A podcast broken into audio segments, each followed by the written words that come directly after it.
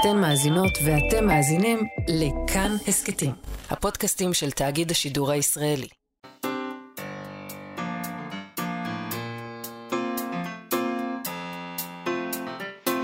מה שכרוך עם יובל אביבי ומה יעשה לה.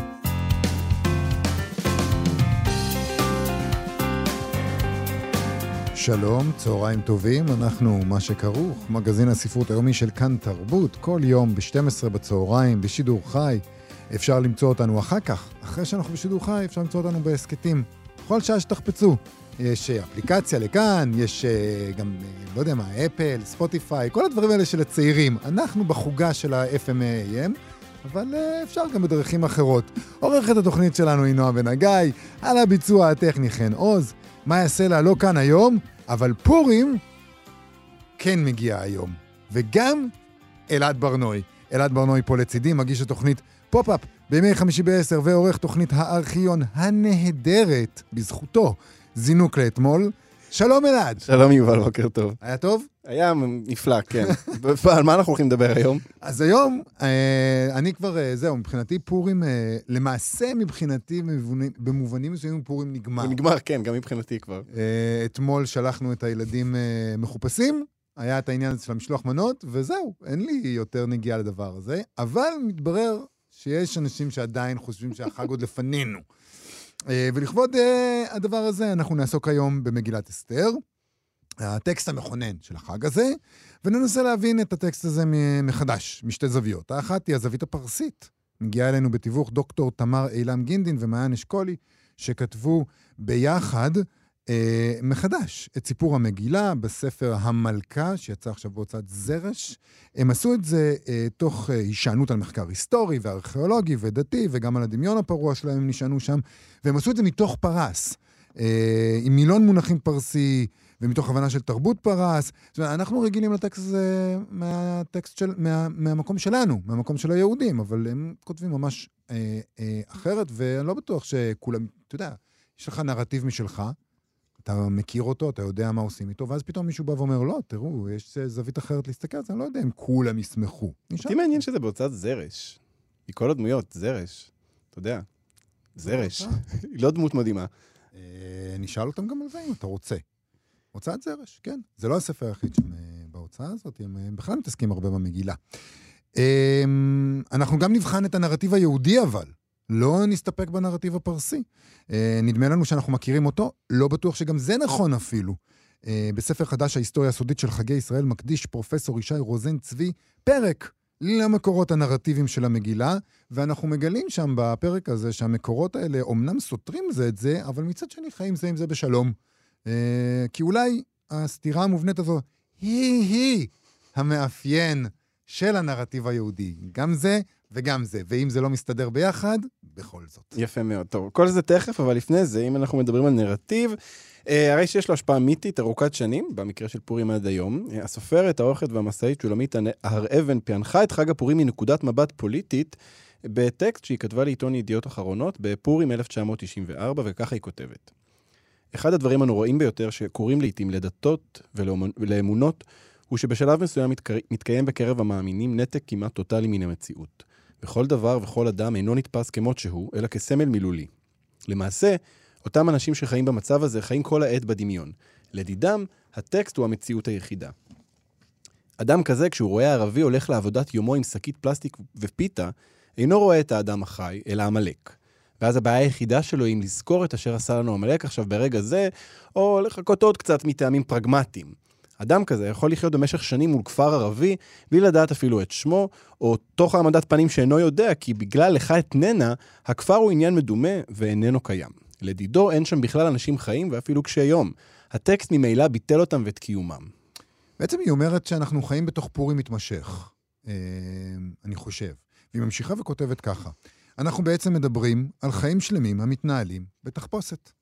לא ייפלא שחג פורים הופך להיות חג בעל מטען נפשי, הטען נפשי עצום.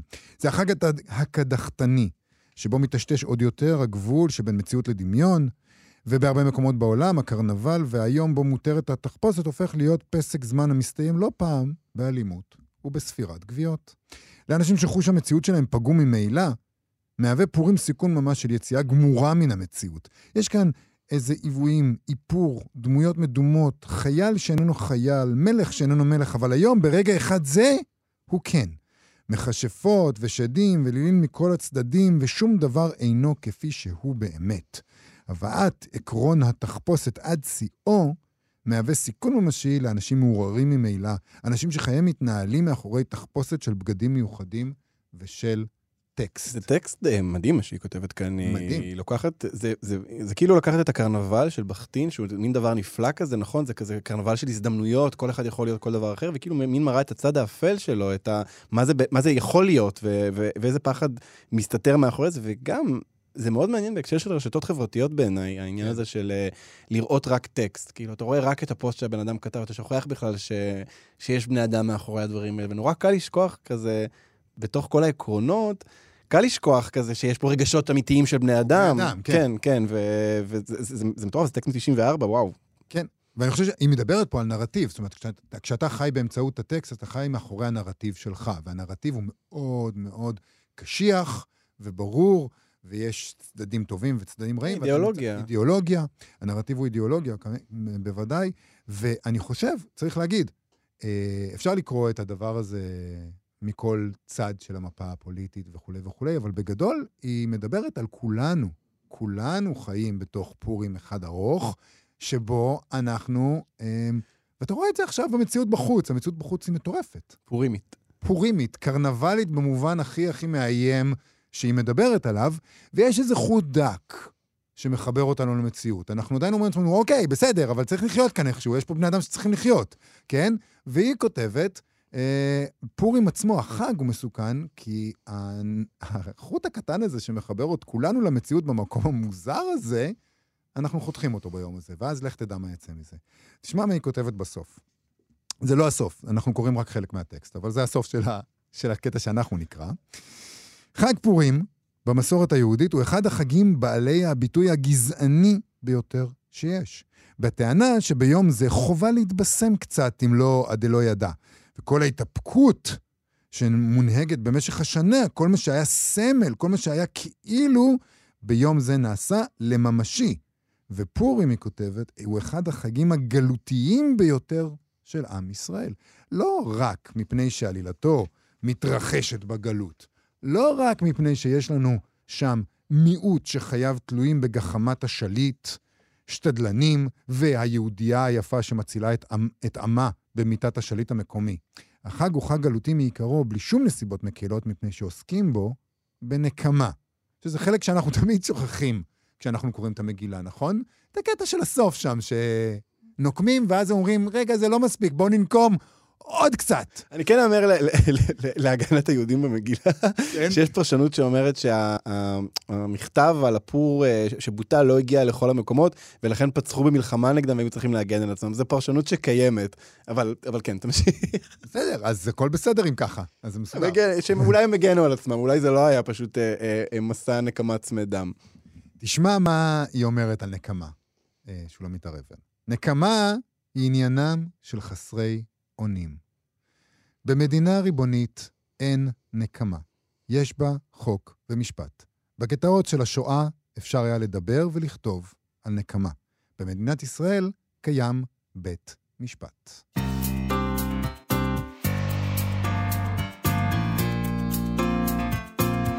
מה שכרוך בכאן תרבות, חזרנו היום לצידי אלעד ברנוי. אה, אנחנו מנסים להתחיל לחגוג את אה, פורים בדרכנו, שזה לנסות אה, לחתור תחת הטקסטים, הכל. להרוס הכל, לחתור תחת הטקסטים המכוננים אה, של כולנו. אנחנו, סתם, מה פתאום? אנחנו מנסים להבין מחדש את מגילת אסתר ואת הסיפור של החג הזה. אמ, ויש לנו ניסיון כזה לפנינו, הניסיון הראשון מבין שניים שאנחנו נעסוק בהם היום. אמ, עדויות ארכיאולוגיות, תיעוד היסטורי, מדרשי חז"ל וגם לא מעט הצלמות, אה, המצאות, סליחה, והשלמות, אה, וכל זה מתוך העולם של פרס ולאו דווקא מהזווית היהודית. זה קורה בספר המלכה שכתבו ביחד דוקטור תמר אילם גינדין ומעיין אשכולי. היא חוקרת איראן במרכז עזרי באוניברסיטת חיפה, ובעלת בית הספר המקוון לאיראן ולשפה הפרסית. בעלת הפודקאסט אורניום מאושר, איראניום, סליחה, ברור, איראניום מואשר, מחברת הספר מגילת אסתר מאחורי המסכה ועוד ספרים, והוא תסריטאי וסופר, ושניהם כאן עכשיו כדי לדבר על הספר הזה ועל החג הזה. שלום, דוקטור תמר אילם גינדין. שלום רב. שלום, מעיין אשכולי. שלום, שלום. אז uh, למה לכתוב מחדש את הנרטיב הזה, שהוא ברור לנו, אנחנו מכירים אותו, קוראים אותו כל שנה, הוא קצר יחסית, הספר שלכם קצת יותר ארוך. Uh, uh, אפשר להבין אותו, כל הילדים מכירים אותו, ועכשיו אתם אומרים, לא, צריך לכתוב אותו מחדש. Uh, תמר. וואו, אתה אומר הכל ברור. אני גם חשבתי ככה עד שפגשתי את מעיין. ואז הוא, ו- ואז הוא האיר את עיניי. רגע, שנייה, ושתי גורשה בשנת שלוש, אסתר נבחרה בשנת שבע. מה קרה באמצע? Mm. מספרים שמרדכי הלשין על בקתן ותרש, למה המן מקודם? יש שם המון המון חורים בעלילה שהייתה לנו אפשרות להשלים. הפסוק, הנערה יתומה אין לאב האם, זה אחלה התחלה של דיסני, צריך להכיר להם את האב ואת האם כדי להרוג אותם. אה, רציתם בסך הכל להרוג את האבא ואמא, בסדר, הבנתי. אמ, מעיין, אתה, זאת אומרת, אתה קורא את הטקסט הזה במשך שנים, ו- ובעצם אומר לעצמך, אני לא לגמרי מבין מה הולך שם. אני דתי לשעבר, זאת אומרת, אני גדלתי הרבה הרבה שנים, הייתי קורא את הטקסט לפחות פעמיים ב- בשנה, אם לא יותר, לפעמים הייתי עולה לירושלים אה, לקרוא עוד פעם. אה, ואתה יודע, אני זכרתי את מה שהגננת סיפרה. אה, לפי זה הלכתי, ולפני הרבה מאוד שנים נחשפתי למדרש אה, עתיק אה, מילקוט שמעוני, שזה ספר מהמאה ה-11 או המאה ה-13, לא כך סגור, ששם מסופר בעצם סיפור מסוים שבו מתואר מרדכי בתור שר צבא. Mm. ואני כזה, מה? שר צבא? זה- ממש לא מה שהגננת סיפרה לי. ונורא סקרן אותי, והתחלתי לקרוא עוד, ופתאום למדתי ששער המלך, ארכיאולוגית, מה שתמיד דמיינתי שהוא סתם, אתה יודע, שער כמו בשער האשפות, או זה, כאילו, בחומה, מסתבר ששער המלך זה מבנה. Mm. זה כאילו... אה, מישהו כלומר, הוא לא סתם ישב שם כל הזמן כי לא היה לו מה לעשות, הוא ישב שם כי היה לו- בדיוק. כי היה לו תפקיד. אה. היה לו תפקיד. זאת אומרת, שער המלך, אם אתה יושב בשער המלך, יש לך תפקיד בפמליה המלכותית. רגע, רגע, רגע. הדמות של מרדכי מאוד מאוד שונה, וזה התחיל, התחיל חקירה מאוד מאוד גדולה. אה, לנסות להבין את ההיסטוריה ואת הארכיאולוגיה ומה אנחנו יודעים, והרודוטוס, ההיסטוריון היווני ו- ועוד היסטוריונים, ואז אה, מצאתי גם איזה מישהי בשם תמר אילן גינדין, דוקטור, ש... ש... אה, גיליתי ממנה עוד הרבה, ואמרתי, אוקיי, אני צריך לפגוש אותה, כי, כי אנחנו צריכים לדבר. אז באמת, אה, תמר, איך עובד הדבר הזה של אה, לכתוב ביחד? איך אה, יושבים וכותבים אחד לצד השני, משפט, משפט, פסקה, פסקה, עמוד, עמוד, איך זה עובד? קודם כל, אנחנו שנה רק דיברנו. שנה לקחנו את הטקסט, מעיין שאל את השאלות, אני מילאתי ב- בחומרים שלי, שאני, שאני מכירה. שאלה חומרים חשבנו- יותר היסטוריים, נכון? נכון, זה היה מאוד קשה להרפות ו... ולאפשר גם לדמיון להשתלב שם. בדרך כלל אם אני אומרת משהו אז אני צריכה אחר כך, אם שואלים אותי, לד... להגיד מאיפה לקחתי את זה. אמ, אז, אז ממש כאילו דיברנו על מה שחסר בסיפור ועל מאיפה אפשר להשלים את זה, מאיפה אפשר להשלים את זה ומה שאי אפשר להשלים, איך נשלים. אה, על איך אפשר, אה, איזה, איזה מתח ניצור, באילו מקומות, כי בסך הכל, כפי שאמרתם, זה סיפור שאנחנו כבר מכירים. המלכה מגיעה עד סוף פרק ב' של מגילת אסתר. אז אנחנו יודעים שהיא בסוף תיבחר למלכה. אז צריך לעורר מתח, למרות שאנחנו יודעים את זה.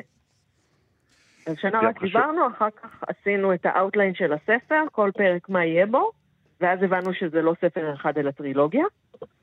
אה, ואחר כך עשינו, הרחבנו כל פרק לחצי עמוד, ואז התחלנו לכתוב, ותוך כדי התהליך הזה הפכנו לבן אדם אחד. אבל גם המצאתם. זאת אומרת, היו מקרים שבהם אמרתם, אה, אוקיי, הנקודה הזאת לא ברורה, אני אלך להיסטוריון הזה, אני אלך למקור הזה, אני אלך לפה לשם.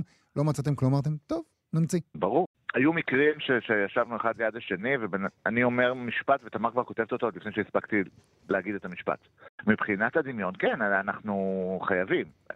כמות המידע שיש לנו היא מאוד מאוד מוגבלת, אנחנו מדברים פה על 2,500 שנה אחורה. כן.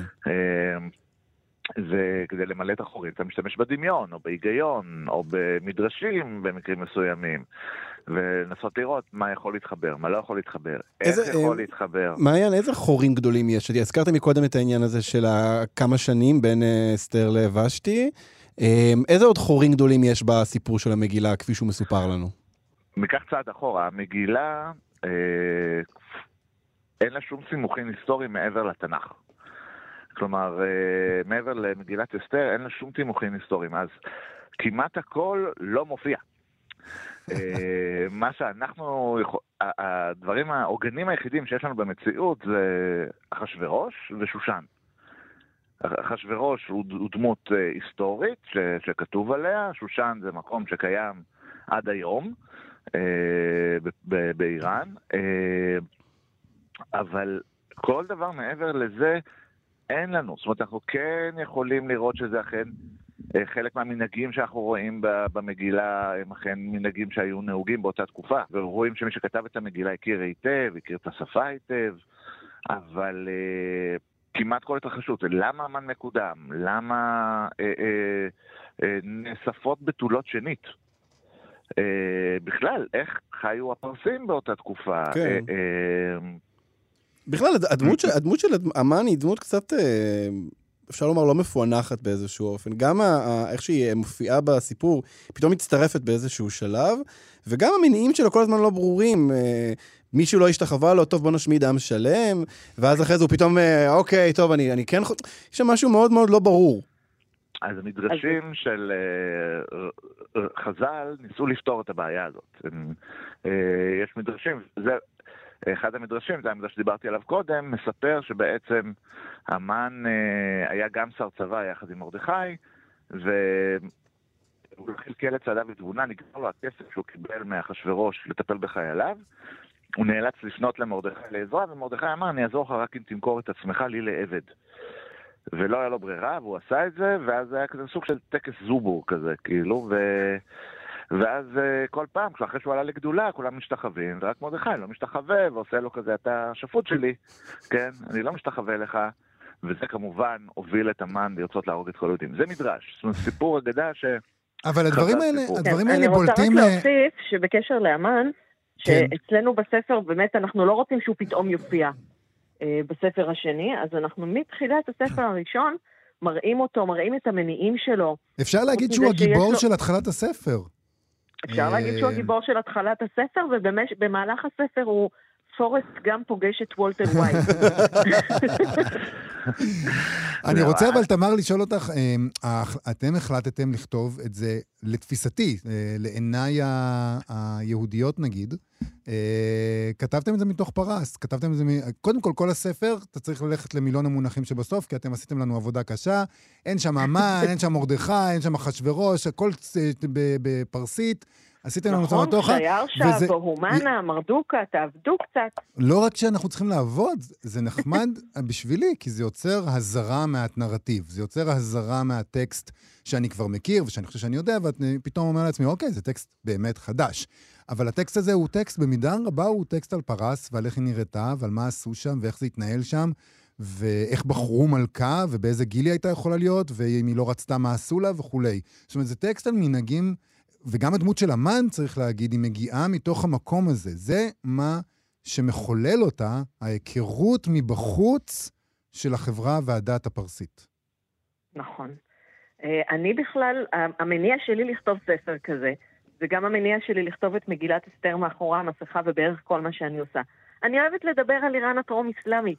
אני אוהבת להביא אותה לקוראים הישראלים, לקהל הישראלי. ופורים זה החג שרוצים להקשיב לי. זה, הש... זה השבוע שלך.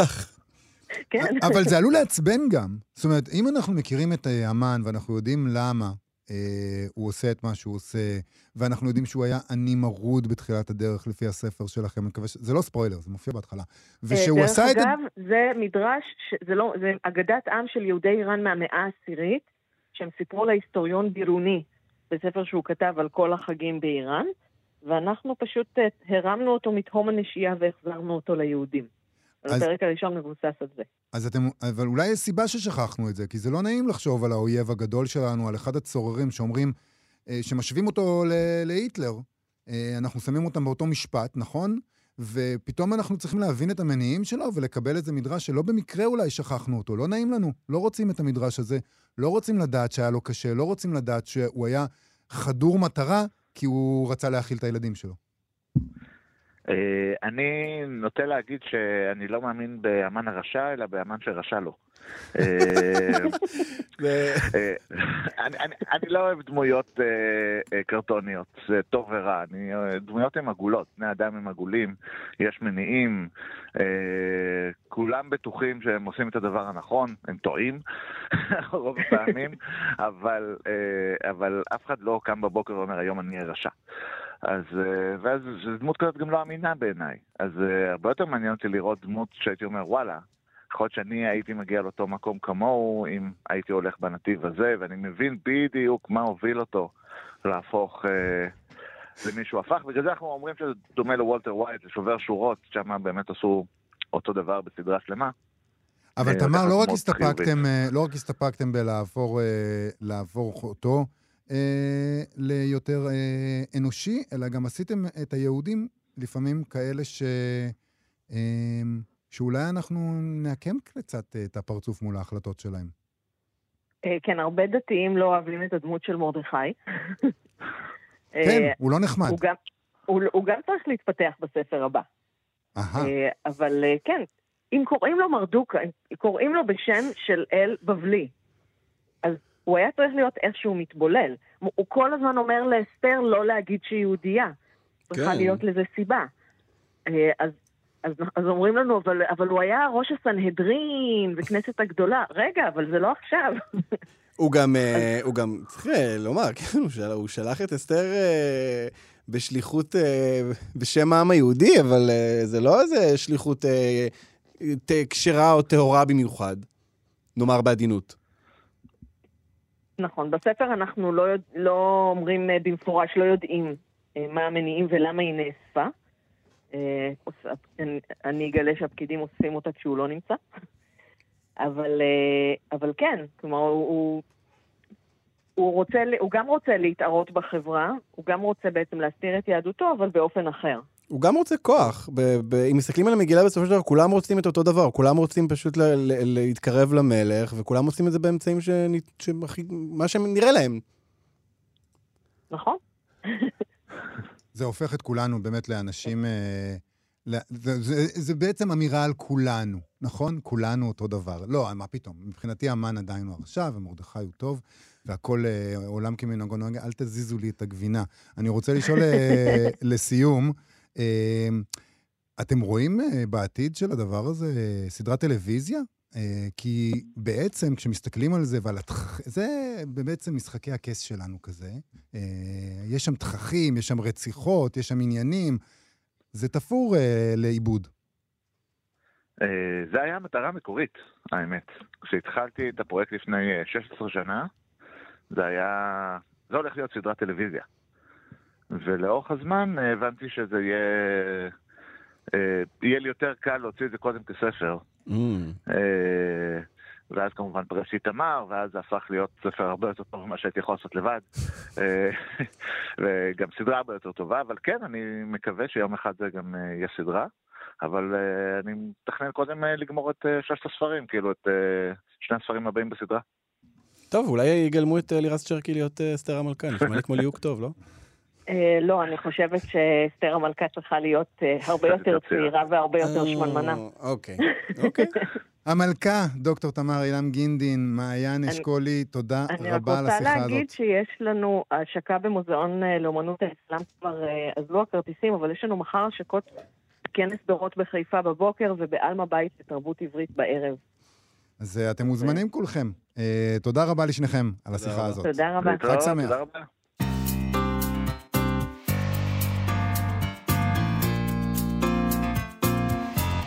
מה שכרוך בכאן תרבות, חזרנו לצידי היום אלעד ברנועי, וביחד אנחנו ממשיכים לעסוק בנרטיב של מגילת אסתר.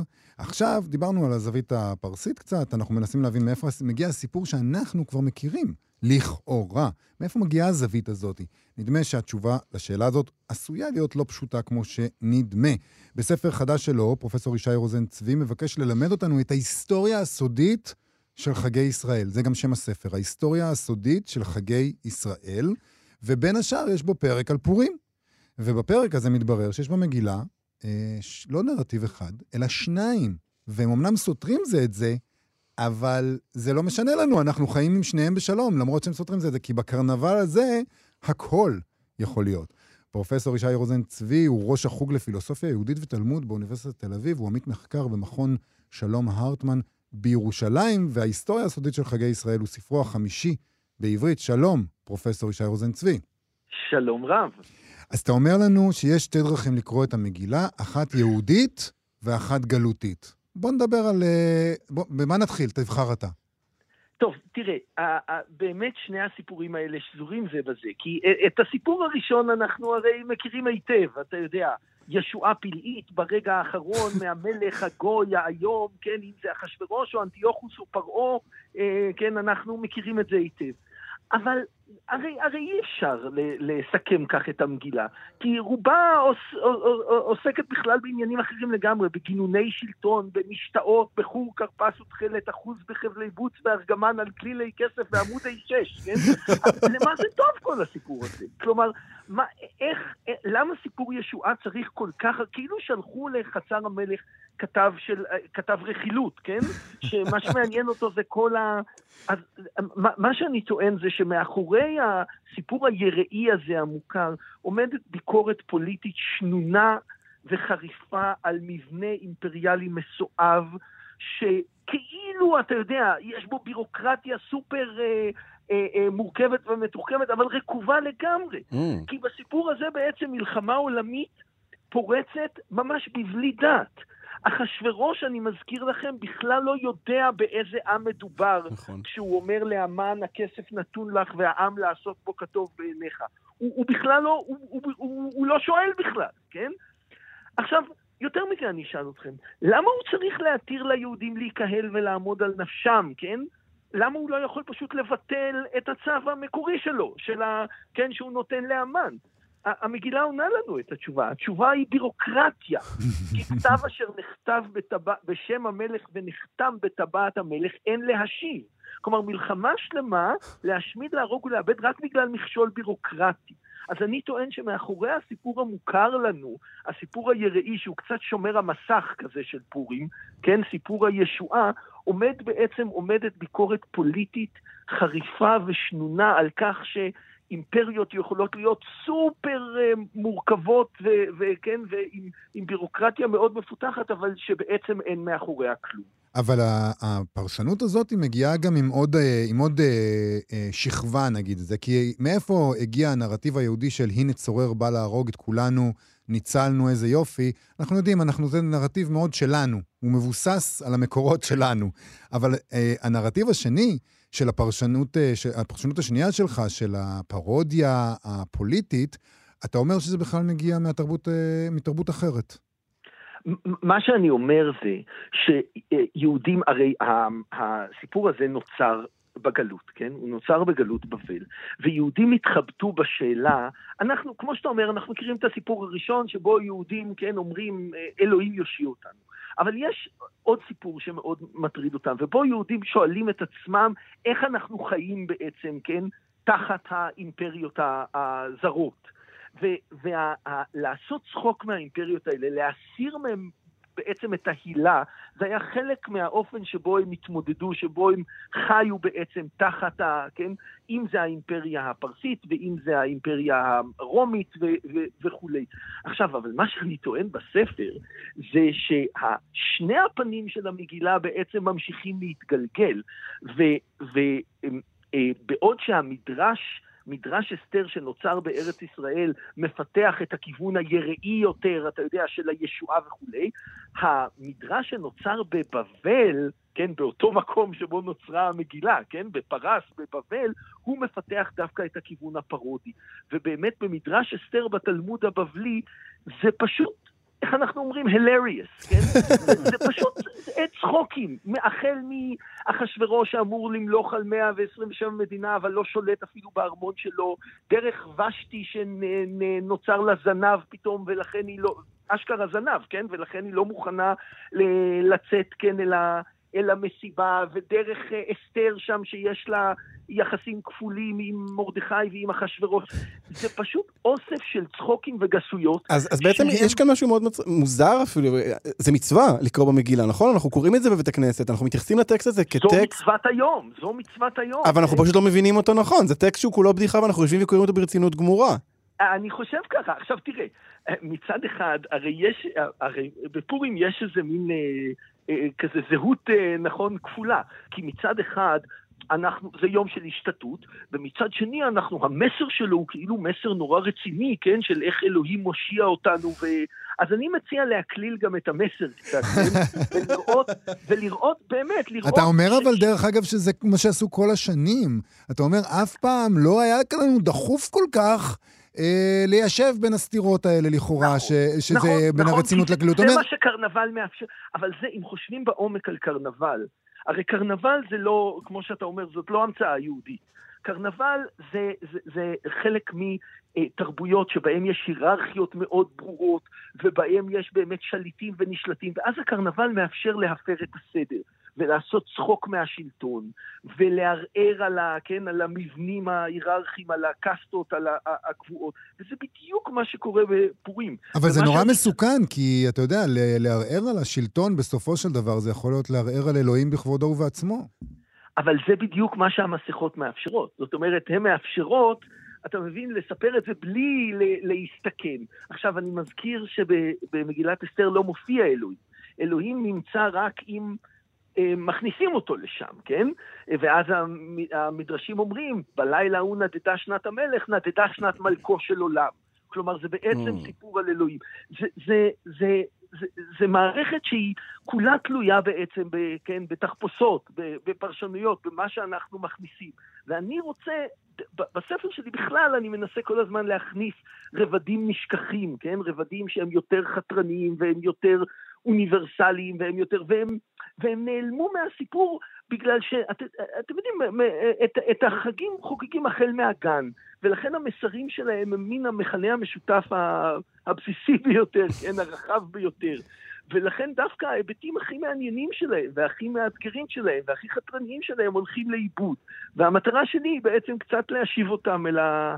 אלא סיפורי החגים שלנו. יש משהו שקצת מכניס לפרופורציות בזה שאנחנו זוכרים שלא משנה מה מדובר בסיפור. זה סיפור שמספרים לנו ואנחנו מספרים אותו, וזה קצת, אה, אה, זה, זה, זה באמת מוריד קצת מה, מהיראה הגדולה הזו שיש, מה, והיא שעמדה הזה אה, שעומד ברקע כל הזמן. ישי, אתה, אתה כותב שצריך להתחיל לחשוב בכלל מחדש על הגיבור של המגילה. מי, מי הגיבור של המגילה בעיניך? טוב, הגיבור של המגילה משתנה לפי הפרשנות שלה, כן? האם הגיבור של המגילה הוא אה, אה, מרדכי? האם הגיבור של המגילה הוא אלוהים? האם הגיבורה היא אסתר? אה, אני בצד של אסתר אה, ב, אה, בסיפור הזה, אה, כי היא באמת זאת שמשלמת את המחיר האולטימטיבי, כן? היא זאת ש... מושלכת בעצם אל חצר המלך ו- ואל בית המלכות ומסתכנת ב, כן, בחיי היום-יום כדי uh, להציל את היהודים. אבל אה, אסתר, וזה אני אגלה לכם עוד סוד, אה, אסתר היא גם דמות קולקטיבית, כי יהודים דמיינו את עצמם כנשים. האימפריה היא הגבר, אם זה הבבלים, ואם זה הפרסים, ואם זה הרומים, הם הגבר השליט, ואנחנו הנשים. לכן יש אה, כל כך הרבה גיבורות מקראיות שאנחנו, כן, מזדהים איתן, שפועלים כאילו באופן כזה אה, באופן עקיף, באופן חתרני. האנדרדוג, באופן... אנחנו תופסים נכון, את עצמנו כאנדרדוג. ואנחנו אסתר, ולכן מכאן ההזדהות, לכן זה מגילת אסתר, זאת לא מגילת מרדכי וזאת לא מגילת אחשורוש, זאת מגילת אסתר. אולי צריך להזכיר, יש, אני מרגיש שיש הרבה אנשים שצריך להזכיר להם את הדבר הזה, שאנחנו אישה ולא הגבר בסיפור, בנרטיב הזה. חד וחלק, זה, זאת, זאת תודעה אה, חז"לית מאוד מאוד עמוקה. הם בעלי הכוח, הם הגבר, ואנחנו בעצם הנשים, ואנחנו ככה פועלים, כמו אסתר. תשמע, אנחנו צריכים לסיים אה, עוד מעט, ואומנם אה, זו תוכנית אה, פורימית, אבל אני רוצה להזכיר שאחרי פורים מגיע מאוד מהר פסח, והספר שלך לא עוסק בהיסטוריה הסודית של פורים, הוא עוסק בהיסטוריה הסודית של חגי ישראל. אז רק כדי שנטעם עוד קצת חג שמתרגש עלינו, תן לנו דוגמה קצרה להיסטוריה סודית של פסח. אז אה, אה, אני אתן לך דוגמה שממש מתחברת לעניין של הקרנבל, וככה אתה יודע, גם נצא ידי חובת פורים. מכיוון שאחרי החורבן, הרי פסח בזמן הבית היה זבח. זה היה קורבן בעצם, קורבן הפסח. ואחרי החורבן, שחכמים היו צריכים לשאול את עצמם, אוקיי, איך ממלאים את החג הזה שבעצם מתרוקן מהתוכן שלו מחדש? הם, מה שהם עשו זה, הם הפכו אותו בעצם לעוד סוג של קרנבל, שהוא נקרא סימפוזיום. היום סימפוזיון, סימפוזיון זה איזה מין כאלה הרצאות משעממות, אבל בעולם היווני זה היה לשתות ולדבר. כן? סימפוזיום ביוונית סימפוטן לשתות ביחד. וזה מה שהם עשו, הם בעצם לקחו את ליל הסדר, את, ה, ה, ה, את חג הקורבן, ועיצבו אותו מחדש כחג יווני של לשתות ולפטפט, וזה למעשה מה שאנחנו עושים עד היום, בלי לזכור שהמקור שלו הוא בכלל מקור יווני ולא איזה מקור יראי, אתה יודע, מקדמת דנא של, של, כן, של שלומי אמוני ישראל. אז גם שם יש איזה קרנבל חבוי. גם קרנבל וגם אה, מצו... מין הוראה כזאת להנמיך את, ה... את היראי הזה. כל מה שאתם חושבים שהוא שלנו, נכון. יש לו איזה מקור אחר שהיה נכון. לפנינו, ואתם לא- נכון, לא... נכון, נכון, המצא... ואת זה אני מנסה לחשוף, כן. אה, פרופסור ישי רוזן צבי, ההיסטוריה הסודית של חגי ישראל, זה הספר, זה שמו, בתוכו יש פרק על פורים, אם מתחשק לכם להבין מחדש את המגילה, אפשר למצוא שם כמה דברים מעניינים. תודה רבה לך על השיחה הזאת. תודה, ישי. תודה לך.